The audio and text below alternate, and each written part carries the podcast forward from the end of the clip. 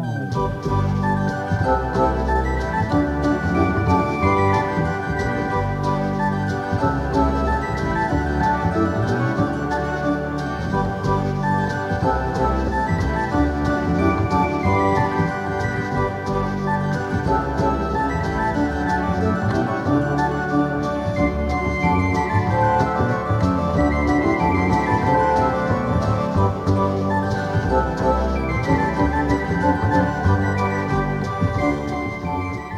Op weg naar het licht.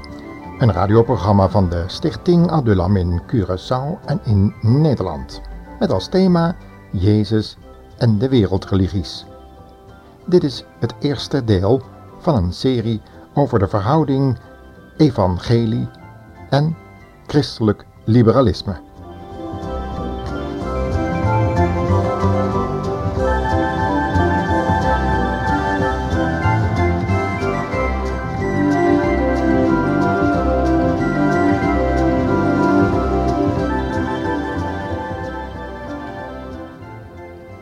Konden het maar niet eens met elkaar worden.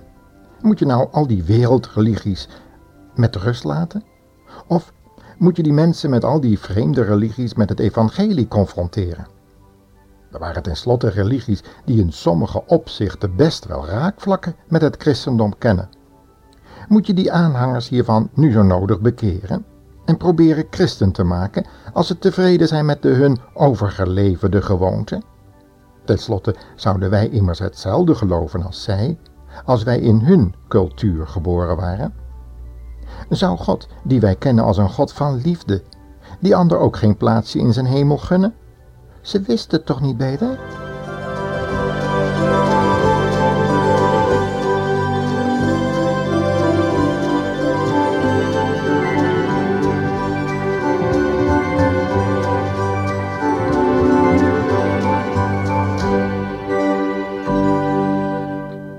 Dit soort vragen hoor je steeds meer. Vooral onder christenen die hun eigen achtergrond, geschiedenis en Bijbel niet meer kennen en hun oor te luisteren leggen bij leraars van andere religies. We hoeven ze nu niet allemaal bij namen te noemen, maar enkele grote wereldreligies kennen inderdaad een God die in veel opzichten dezelfde boodschap lijkt te brengen, zoals de God van de Joden en de christenen. De wetten die deze religies kennen lijken inderdaad raakvlakken te hebben met de wetten die Mozes van zijn God uit de hand van engelen op de berg Sinaï ontving. Zelfs de wijze waarop dit gebeurde lijkt in veel opzichten op die van een van de grootste wereldreligies, de islam. De Koran, het heilige boek van de Mohammedanen, die de profeet Mohammed als hun leider vereren en hem ook terug verwachten, zou immers eveneens door engelen aan Mohammed zijn overhandigd? En heeft Mormon, de grote leider van de wereldwijd verspreide beweging van het Mormonisme, het origineel van zijn heilige boek niet op gouden platen rechtstreeks uit de hemel ontvangen? En kennen al die wereldreligies niet hun eigen heiligen, compleet met wonderen, tekenen en vervolgingen? Is de toewijding van al hun volgelingen soms minder dan die van de aanhangers van de Joodse en christelijke godsdiensten? In de praktijk zijn de leiders ervan zelfs meer actief dan veel huidige christelijke leiders, die vaak hun eigen christelijke verworvenheden graag inwisselen voor bijvoorbeeld Oosterse magie. Allemaal vragen die op een antwoord wachten en waar we in deze serie Bijbelstudies, zou je kunnen zeggen, proberen een antwoord op te vinden, hoewel het best moeilijk zal vallen.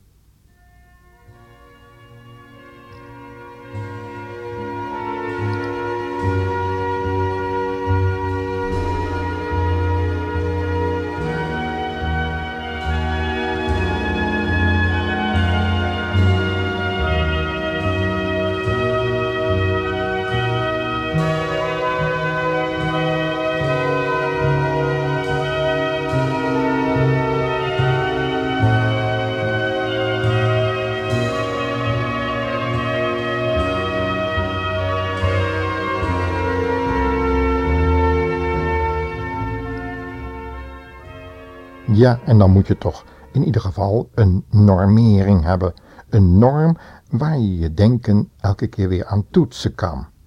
Nou ja, wij als christenen hebben natuurlijk de Bijbel zelf als norm. En zou de Bijbel op onze vragen het antwoord niet geven? Als God toch alwetend is, dan moet er toch in zijn woord een antwoord zijn te vinden op de vragen die wij onszelf zo in deze programmaseries willen stellen.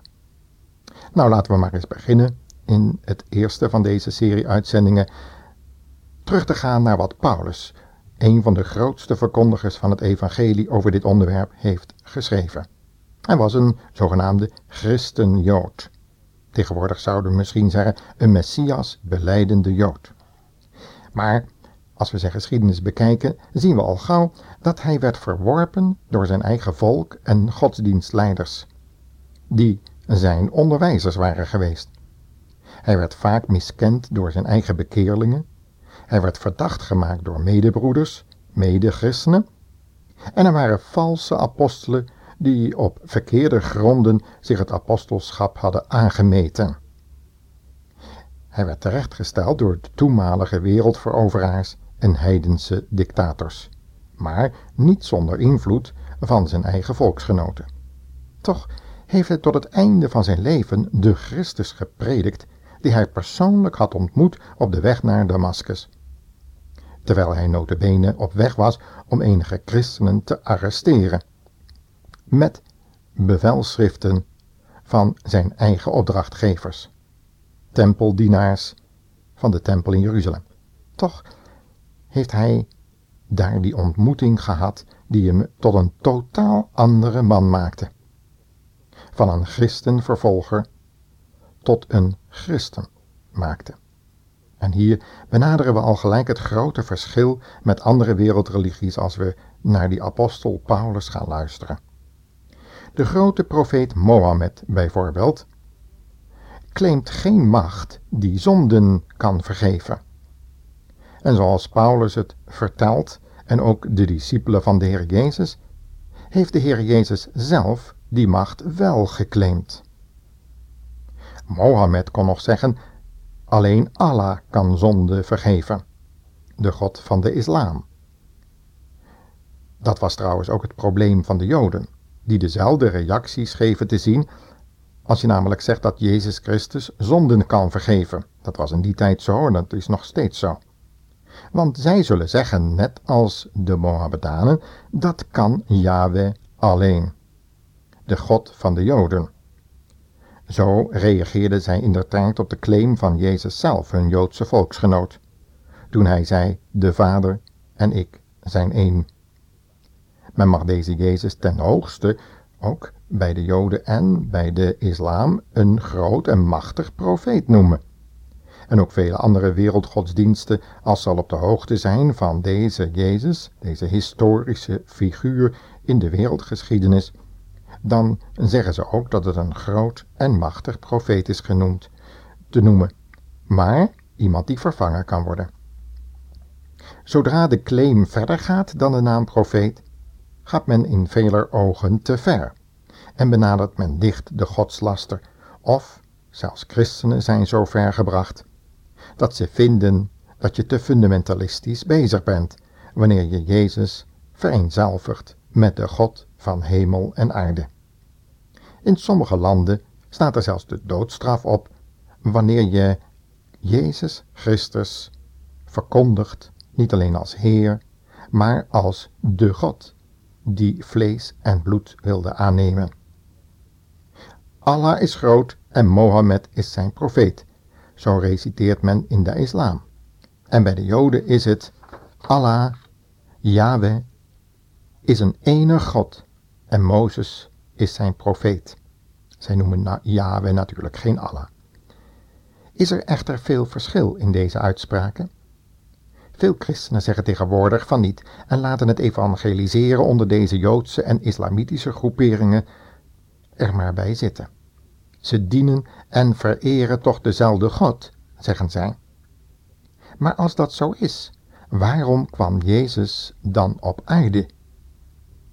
Zei Paulus ook dat Jezus dezelfde God was als de afgoden die de andere volkeren aanbaden? dienden bijvoorbeeld in die tijd de Samaritanen dezelfde God als de Joden? Laten we eens zien wat hij aan de Thessalonicensen schreef. In 2 Thessalonicensen 3 vers 1. Hij zegt daar, broeders, ik vraag u om voor ons te blijven bidden. Bid dat het goede nieuws van de Heere zich snel zal verspreiden en overal zo'n invloed zal hebben, dat de mensen hem gaan eren, zoals ook bij u het geval is. Het is dus duidelijk dat Paulus de Heer Jezus als de enige naam boven alle naam wilde eren en zo'n invloed wilde uitoefenen in zijn prediking dat de gehele wereld uiteindelijk de knie voor deze Jezus zou buigen. Maar dat is dezelfde claim die bijvoorbeeld ook de islam heeft en ook vele andere groeperingen. Zo zien we dus dat Paulus daar in feite een hele extremistische opvatting huldigt, die we tegenwoordig nog nauwelijks dulden, zelfs onder christenen niet. En dan de vraag, waarom kwam Jezus eigenlijk op aarde? Waarom claimde hij God te zijn? Laten we daar eerst eens naar luisteren hoe een zanggroep, dat zegt de zanggroep Manna. Jezus kwam op aarde, hij stierf voor mij aan het kruis. Dat geeft mijn leven waarde, want ik ga nu naar huis. En als ik hier mijn taak naar zijn wil heb volbracht, dan is daar zijn belofte, een hemels gouden stad.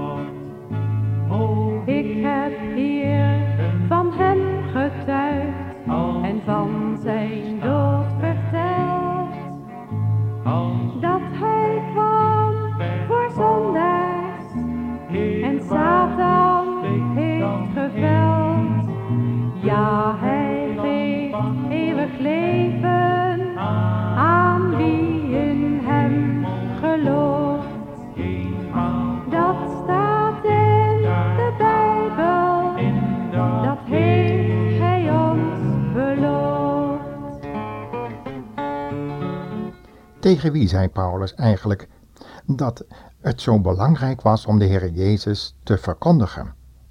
Tegen mensen die nog geen religie kenden, heidenen die nog niet de een of andere godheid aanbaden en vereerden, joden die nog geen kennis hadden aan Yahweh of Mozes, zijn profeet.